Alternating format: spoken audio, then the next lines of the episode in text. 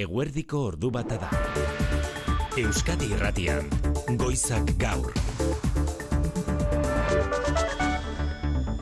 Arratsaldeon deizuela guztioi auzitegi konstituzionalak bateragune kasuagatik epaiketa ez errepikatzea erabaki biharamonean, Arnaldo Otegik estatu aparatuek urteetan bultzatu duten politikaren judizializazioa salatu du gaurko agerraldian. Etaren indarkeria ez desagertzeko ahalegina leporatu die eta honen bestez ezkerra bertzaleak egin zuen autokritikaren parekoa egin dezaten enplazamentua luzatu die. Gonbidapen bat egiten diogu bestea beste lofer kaso guzti hauek martxan jarri dituztenei. Estatu violentzia mantendu duten guztiei. Ez erreprotxe bezala, ez ondorio penalak lortzeko, baizik eta benetan elkar bizitzari ekarpen estrategiko eta sendoa egiteko. Noiz onartuko dezute publikoki guk egin bezala, zuek ere sofrikariaren parte baten ardura daukazutela. Eta zuek ere sofritzeko estrategia mantendu zenituztela.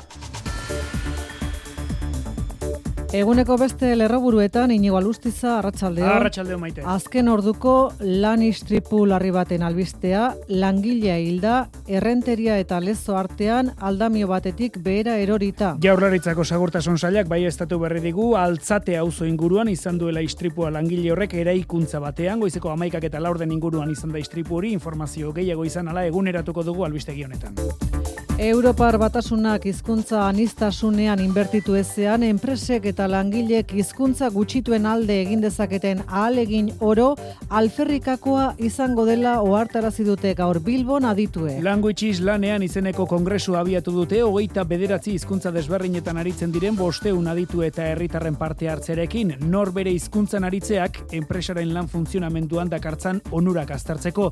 Kongresuaren hasierako itzaldian, inigo urkullu lehendakariak adierazi du, ikasleek hezkuntzan jasotzen duten eleaniztasun horrek ispiloa izan beharko lukeela gero lan munduan. Lan mundura txertatzen ari diren gazteen gehiengoa euskaldun eleaniztuna da gaur egun. Orain, gure erronka da ikastetxean, lanbide eziketan, edota unibertsitatean erabili dituzten hizkuntzek lanean ere bere tokia izan dezaten lortzea. Lan mundua eleaniztuna baita. Adin txikikoen artean telefono mugikorren eta adimen handiko erlojuen erabilerari buruz berriz, protokoloa prestatu beharko du Euskal Autonomia Erkidegoko ikastetxe bakoitzak aurremandu horren berri hezkuntza sailak berehala emango dizkizuegu xehetasunak. Eta lanbide Euskal Enplegu Zerbitzuak erabiltzaileei oharra bere izenean, alegia lanbideren izenean, mezu faltxoak jaso ditzaketela joan den azaroko hackeoaren ondorioz. No caer en este tipo de cuestiones, en clicar en enlaces que puedan ser sospechosos. Eta beraz susmagarriak diren mezu hori kasurik ez egiteko eskatu du Jose Antonio Carrillo lanbideko zerbitzu orokorretako zuzendariak iazko azaroaren amaseian jasan zuen ziberrerasoa lanbideri zerbitzuak eskaintzen dizkion enpresa batek oraingoz eraso horrek ez du inolako kalterik eragin erakundearen arabera baina lanbideren eunda berrogei mila erabiltzaileren datu pertsonalek erasotzaileen esku jarraitzen dute. Eta peletaren inguruko eztabaida gaur Europako Parlamentura iritsi da itsaso bidezko garraioa arautzeko presta agertu da Estrasburgon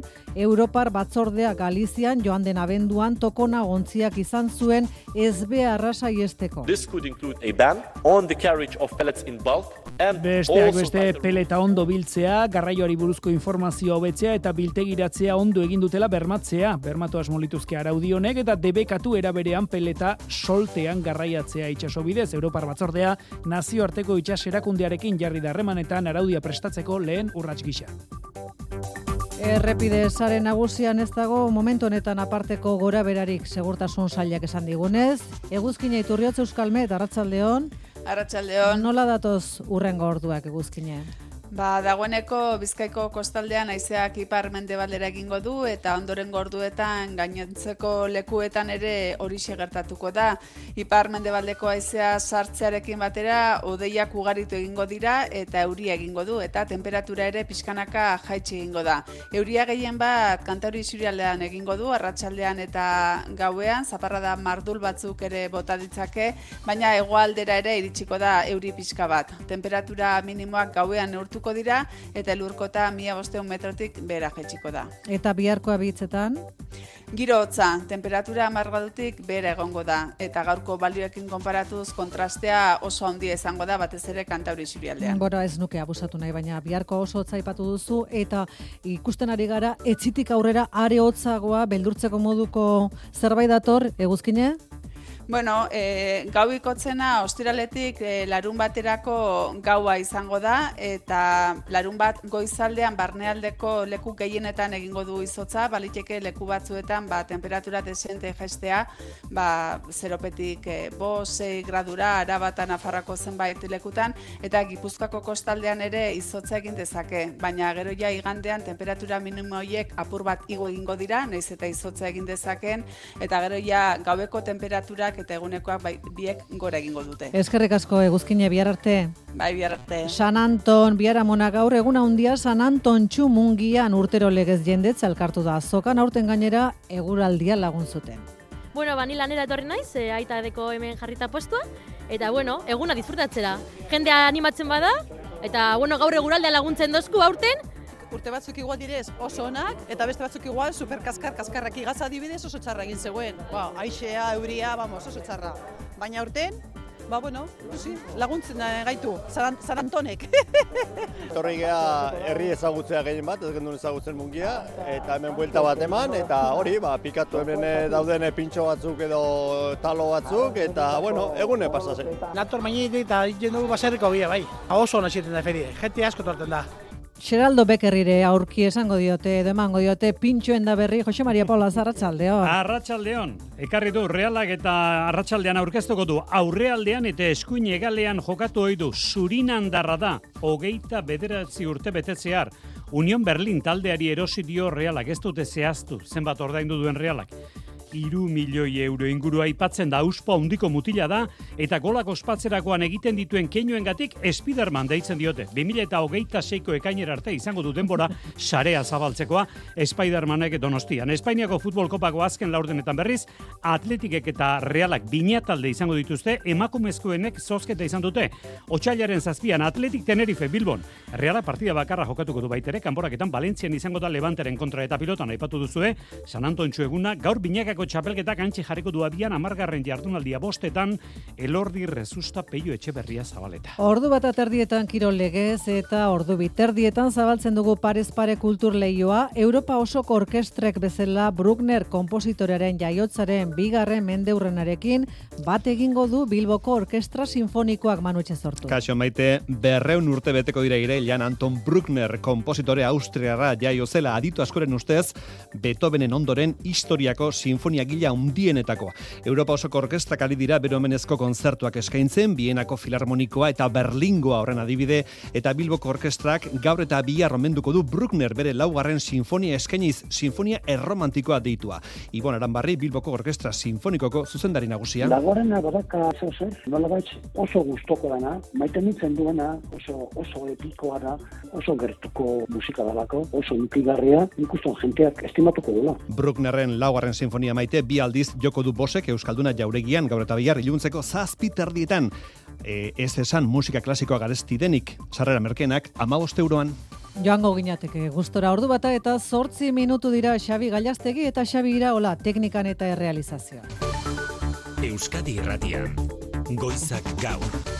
Maite Artola. Eskola orduetan telefono mugikorra eta erloju adimenduak zein adinetik aurrera, zein eremutan, ze ordutegitan eta zertarako, Horren erabilpenari buruz, izan baimena ala debekua ikastetxe bakoitzaren esku geratuko da erabakia. Hezkuntza sailak arrazoitu du ikastetxeen eta familien artean adostu beharrekoa dela gaia gainerakoan hezkuntzako profesionalek egindako eskariari erantzunez, irakaslei formakuntza berezia eskainiko zaie ikasturte honetan bertan irailetik aurrera, familiei begirako hitzaldiak ere antolatuko ditu hezkuntza sailak ainoa mendiburu.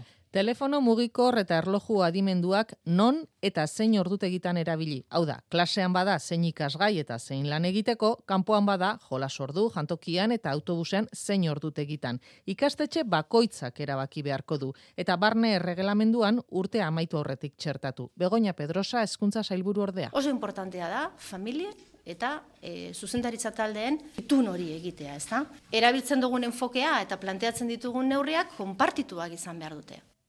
Hezkuntza sailak formakuntza berezia eskainiko du ikasturte honetan irakaslei begira. Datorren astean bertan hasita. Ikastetzeekin ere kontrasteak eginda behar zutela adirazi ziguten. E, hori datorren astean izango da eta hor jorratuko dira pornografian kontsumaren inguruko mehatzuak, ondorioak eta batez ere pauta batzuk eta orientazio batzuk esku hartzerako.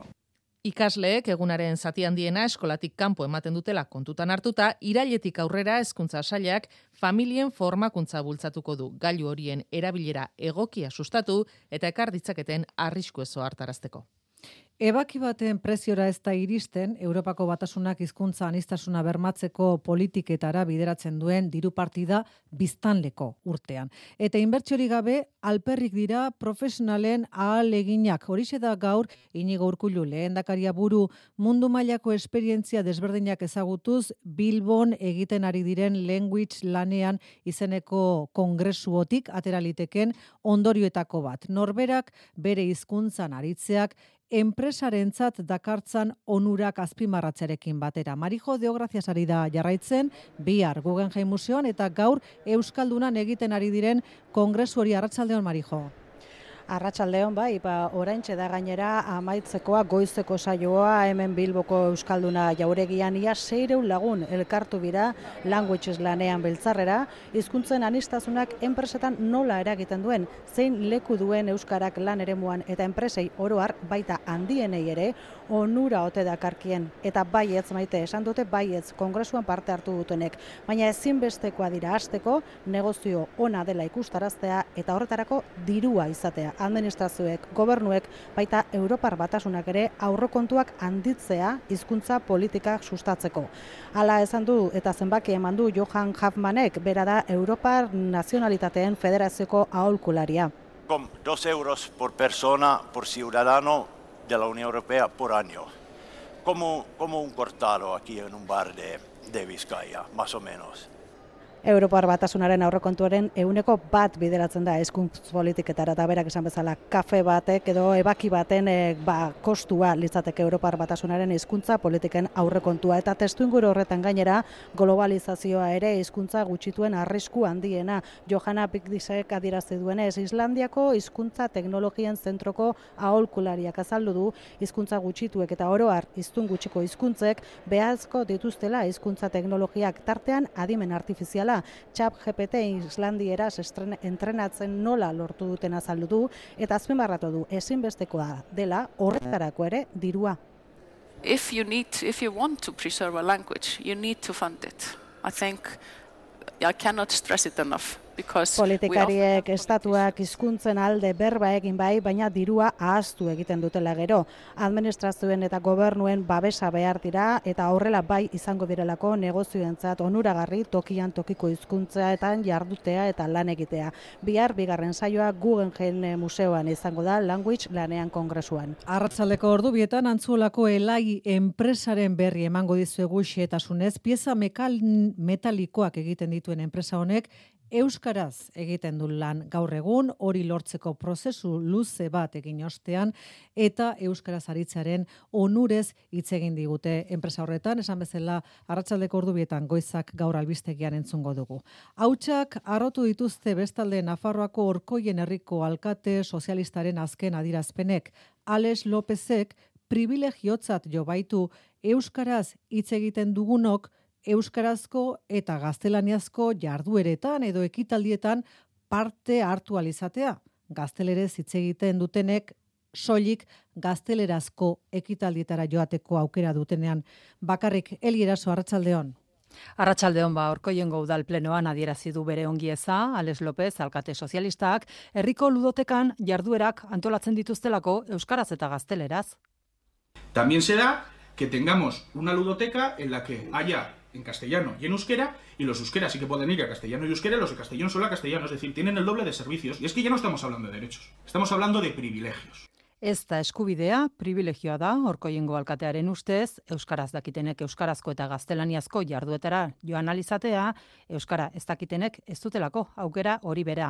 Eguesibarreko alkatearen adierazpenen ondoren datoz orkoiengoaren nak gogoratu gabonetako egitarauan Euskarak zuen presentzia aurria justifikatu zuen upeneko xurine peñaseek, Yo creo que se discrimina a la gente que no puede ir a esa actividad que no sabe euskera. Es decir, me voy a Euskarazko ekitaldiak egitea diskriminatzailea da eta erdaldunak ez baztertzeko antolatu zituen gabonetako egitarauak gazteleraz ala esan zuen eta beste behin ere maite basareak sutan ikusi ditugu erakundetatik euskarafobia aizatzea kritikatzen duten hainbat mezu. Ordu bata eta laurden dira Espainiako Konstituzio Auzitegiak bateragune auzia behin betirako itxi eta biaramonean euren valorazioa egin dute auzipetuek. 15 urtez luzatu den lawfare kasu baten biktima izan direla salatu dute. Porrot egin duen jazarpen politiko eta judiziala. Etaren indarkeria ekuazio politikotik desagertzea ekidin nahi baitzuen mertzitxe berria. Arnaldo Otegik jarri dio hotxa boste zigortuen valorazioari irakurketa abiatzeko Kataluniako auzian estatu aparatuek erabilitako lofer estrategia Euskal Herrian aspalditik ezaguna dela esan du eta testu inguru horretan helburu jakin batzurekin atxilotu zituztela. Gu atxilotuak izan ginen, herri honetan ezkera bertzaleak estrategia ez aldatzeko. Hain gordin, gu atxilotuak izan ginen, estenatoki berri bat ez sortzeko Euskal Herrian eta gu atxelotuak izan ginen, borroka armatua, etaren borroka armatua, ekuazio politikotik ez ateratzen. Hori zen helburua. Ezkera bertzalea zatitu eta etorkizunerako ahultzea ere bazuten helburu otegiren esanetan, horretan guztian porrot egin duen jazarpen politiko eta estatu indarkeria kasua izan da, bateragune hauzia, eta hortik galdera lofer kasua sustatu eta estatu indarkeria sostengatu dutenei luzatu die.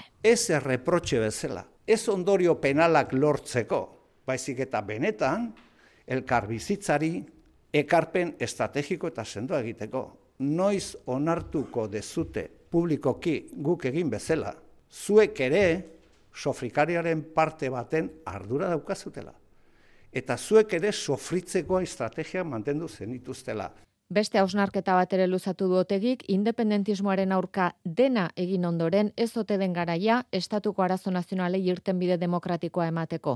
Bateragune hauzia dela eta sei urte eta sei urte terdi arteko espetxaldia jasan zuten bost auziperatuek inhabilitazio zigorrak ere bai, kalte ordaina eskatzea aztertzen ari dira orain abokatuak. Apirilean egingo da bestalde Parisen 2016ko luzuko polizia operazioaren inguruko epaiketa eta horren atariko txetxetxe berri eta Beatriz Mol bakegile eta auzipetuek haien errugabetasuna aldarrikatzen duen sustengu kanpaina aurkeztu dute gaur Baionan. Sinatzaileen artean ageri dira etxe garai elkargoko presidentea Ibarretxe lehendakaria edota garai hartan Frantziako barne ministro zena.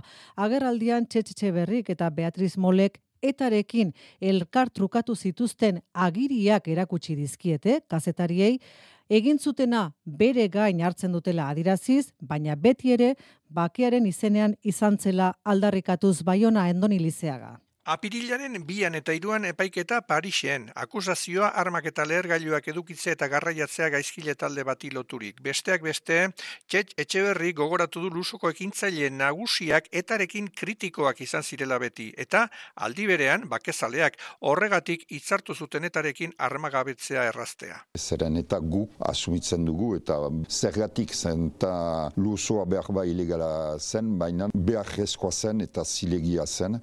Gure ustez beraz ahisku einitz sortzen ziren egoera hortatik. Eta guk erabaki dugu gure ardurak hartzea. Sustengo sinadura bilketa abiatu dute lehen egun sinatzaileen artean Bertiagen, Michel Camdesiu, Guatemo Cárdenas, Frantzeko ministroiak, Corin Lepaz, Cristian Tobira, Alan Lamassur, Emmanuel Kos, Cecil Duflo eta eta armagabetu zenean barne ministro zena Matias Fekel. Anaiz Funosaz. Duela zazpi urte ez bezala, ba batzu afitxatzen direla, erabat partekatzen dutela momentua eta asumitzen dutela hor gurekin egoitea. Eta zentzu hortan Ipar Euskal Herrian kokatzen diren hiru instituzio lokalen lendakariak egotearena bada e, keinu indartsu bat.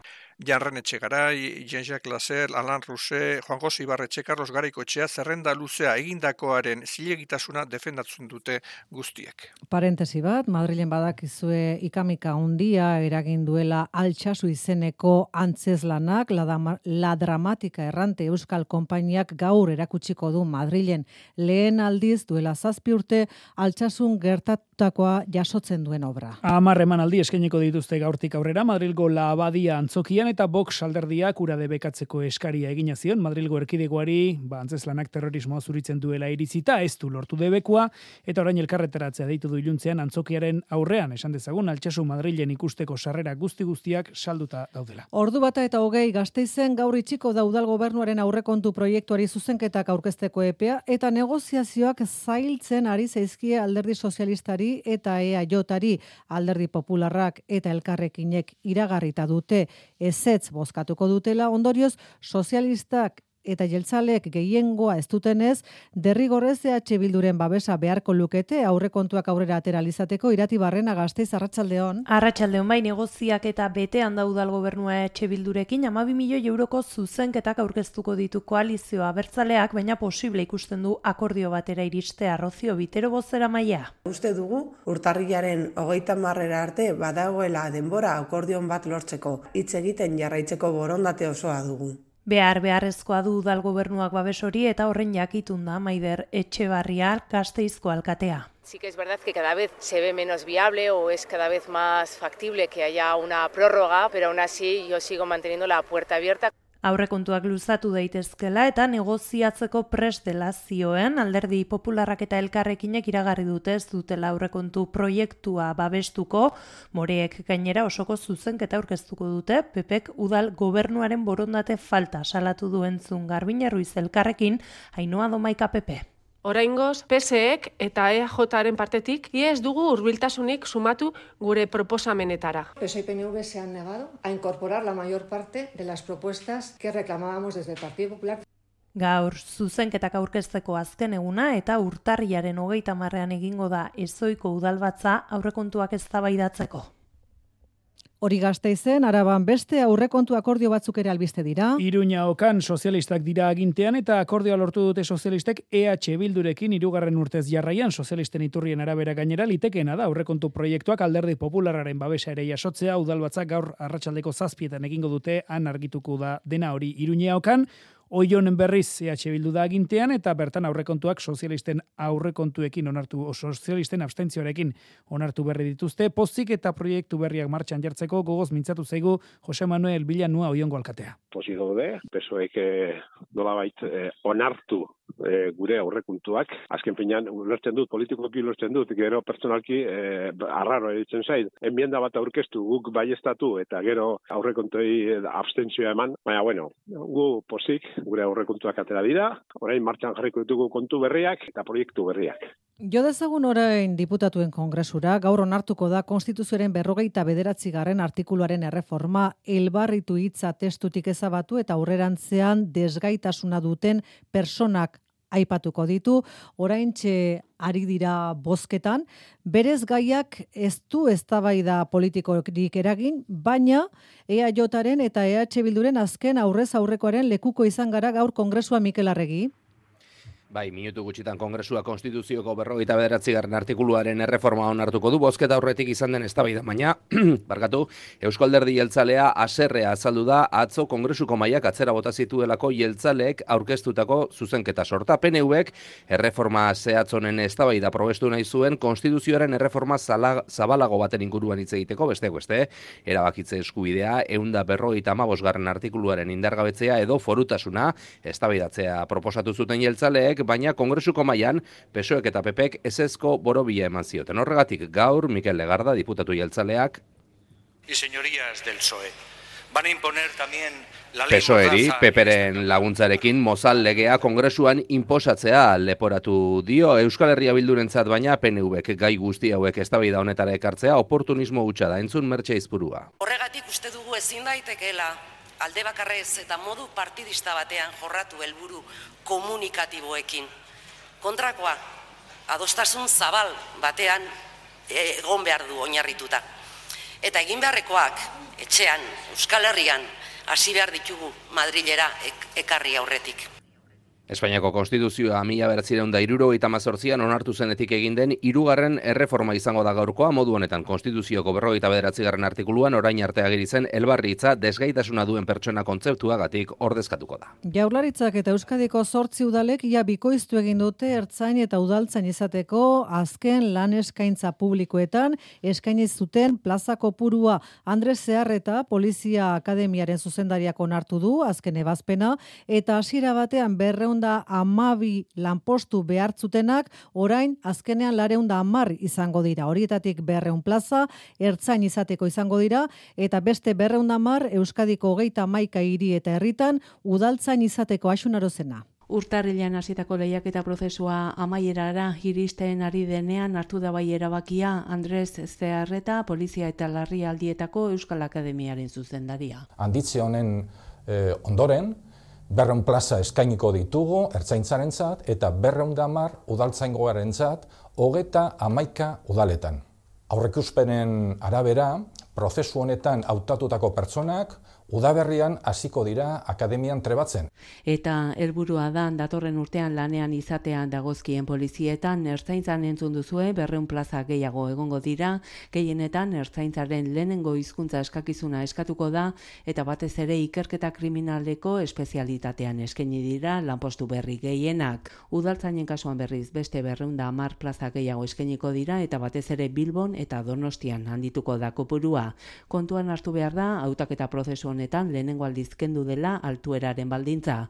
Modu horretan emakume polizien kopurua gehitu eta egungo desoreka zuzentzeko. Eta horretaz gaina xun, oartarazpena ere egin du lanbidek, pasaden azaroan ziber erasoa jasan zuela, eta eunda berrogei mila erabiltzaileren informazioa dutela jakerrek oraingoz, ez dute iruzurek atzeman, baina adi erne ibiltzeko eskatu diete herritarrei. Bai, lanbide hornitzen zuen, enpresa bat jakeatu zuten azaroan, eta ala lortu dute jakerrek, 2000 amazazpitik, 2000 hogeita batera, lanbide inkesta egin, edota lan eskaintza baterako deitutako eunda berrogeita mar mila herritarren informazioa, erabiltzaile horien izen abizenak, telefonoa eta nortasuna gidia. Han sido 140.000 eh, ciudadanos usuarios los que, los que están afectados. José Antonio Carrillo lanbideren zerbitzu orokorretako zuzendaria koartarazi du beraz, WhatsApp baten bitartez dirua eskatuz edo aplikazioren bat zapaltzeko eskatuz, mezuak jasoz gero, erne ibiltzeko eta zerbait susmagarria ikusiz gero, lanbideren kasuan behintzat ziurtatzeko mezua lanbiderena dela. Horretarako, bederatzi lau bost, amasei, 06, 00 telefonora deitu dezake herritar. Eh, no caer en este tipo de cuestiones y no caer tampoco en, en clicar en enlaces que puedan ser sospechosos. Hori bai enpresak ziberrerasoa jaso zuenetik oraingoz lanbidek ez du atzeman iruzurrik eta azpimarratu nahi dute gaur egun beste erabatera kudeatzen direla erabiltzaileen datu pertsonalak eta orain zuzenean jaularitzaren plataformetatik egiten dela. Ekialde hurbilean Iranek egindako erasoari erantzun egin dio Pakistanek zonalde osoan tentsio handia eraginez Pakistanen arabera Iranen eskutatzen diren talde terroristak izan dituzte helburu eta bederatzi persona hil dituzte erasoan. Gazan duela hiru hilabete hasitako gerrak zonalde horretako beste gatazka batzuk aktibatu ditu Ekialde hurbilean Mikel Aiestaran arratsaldeon. Arratxaldeon, bizilagunen arteko tentsioa areagotu da. Iranek Pakistanen erasoa egin eta berrogeita zortzi ordu baino gutxiagora Pakistan darre bombardaketa batekin erantzun dute mugatik gertu dagoen Irango herri batean. Islamabaden esanetan, helburua terroristen base bat izan da eta Irango edabideek jakinarazi dutenez, bederatzi pertsona hildira tartean lau emakume eta hiru aur, denak atzerritarrak. Herrialde horiek bederatzireun kilometroko muga partekatzen dute balutxistan erdian eta Teheranen eta Islamabaden helburuak balutxe taldeak izan dira bi herrialdeetako kanpo arazoetako ministroek telefono hitz egin dute goizean tentsio arintzen saiatzeko eta pauso horrek ura baretzen lagun dezake.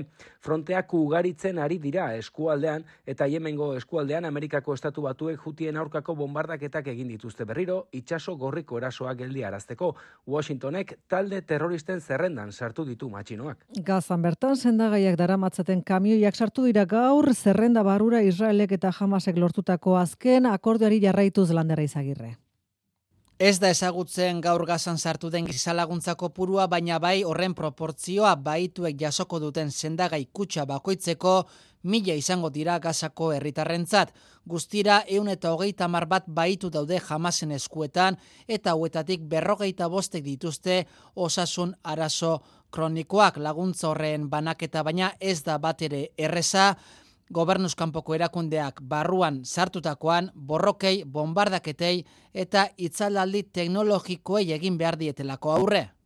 On the health front, we expect additional field hospitals to be up and running in coming days. Eilon Levy, Israelgo gobernu bosera malearen arabera, kanpaina ospitaleak iritsiko dira urrengo egunetan gazara, bertan dauden erietxeak jamasen babesgune direla mantentzen baitute.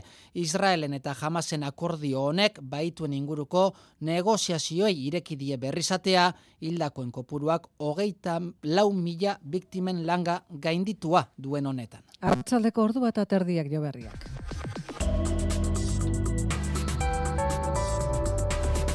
Euskadi irratian, eguraldia eta trafikoa. Errepidezaren nagusia nola dago orduanetan, Luis Eron? Azortzi autobian Bilbon bentazarreko tunelean donostirako er, e, noranzkoan herri bat itxita dala trafikoa motel dabil eta N6BB errepidean zigoitian altu behinguruan kotxe eta kamioi batek talka egin ondoren ba, bastarbidean gelditu dira eta inguru horretan ere arreta zibiltzea gomendatzen dute segurtasun saietik. Eta hau urren gorduetarako eguraldiaren pronostikoa euskalmeten eskutik. Datozen orduetan iparmendebaldeko aizearekin odei ugari izango dugu, euria egingo du eta temperatura pizkanaka jaitsi egingo da.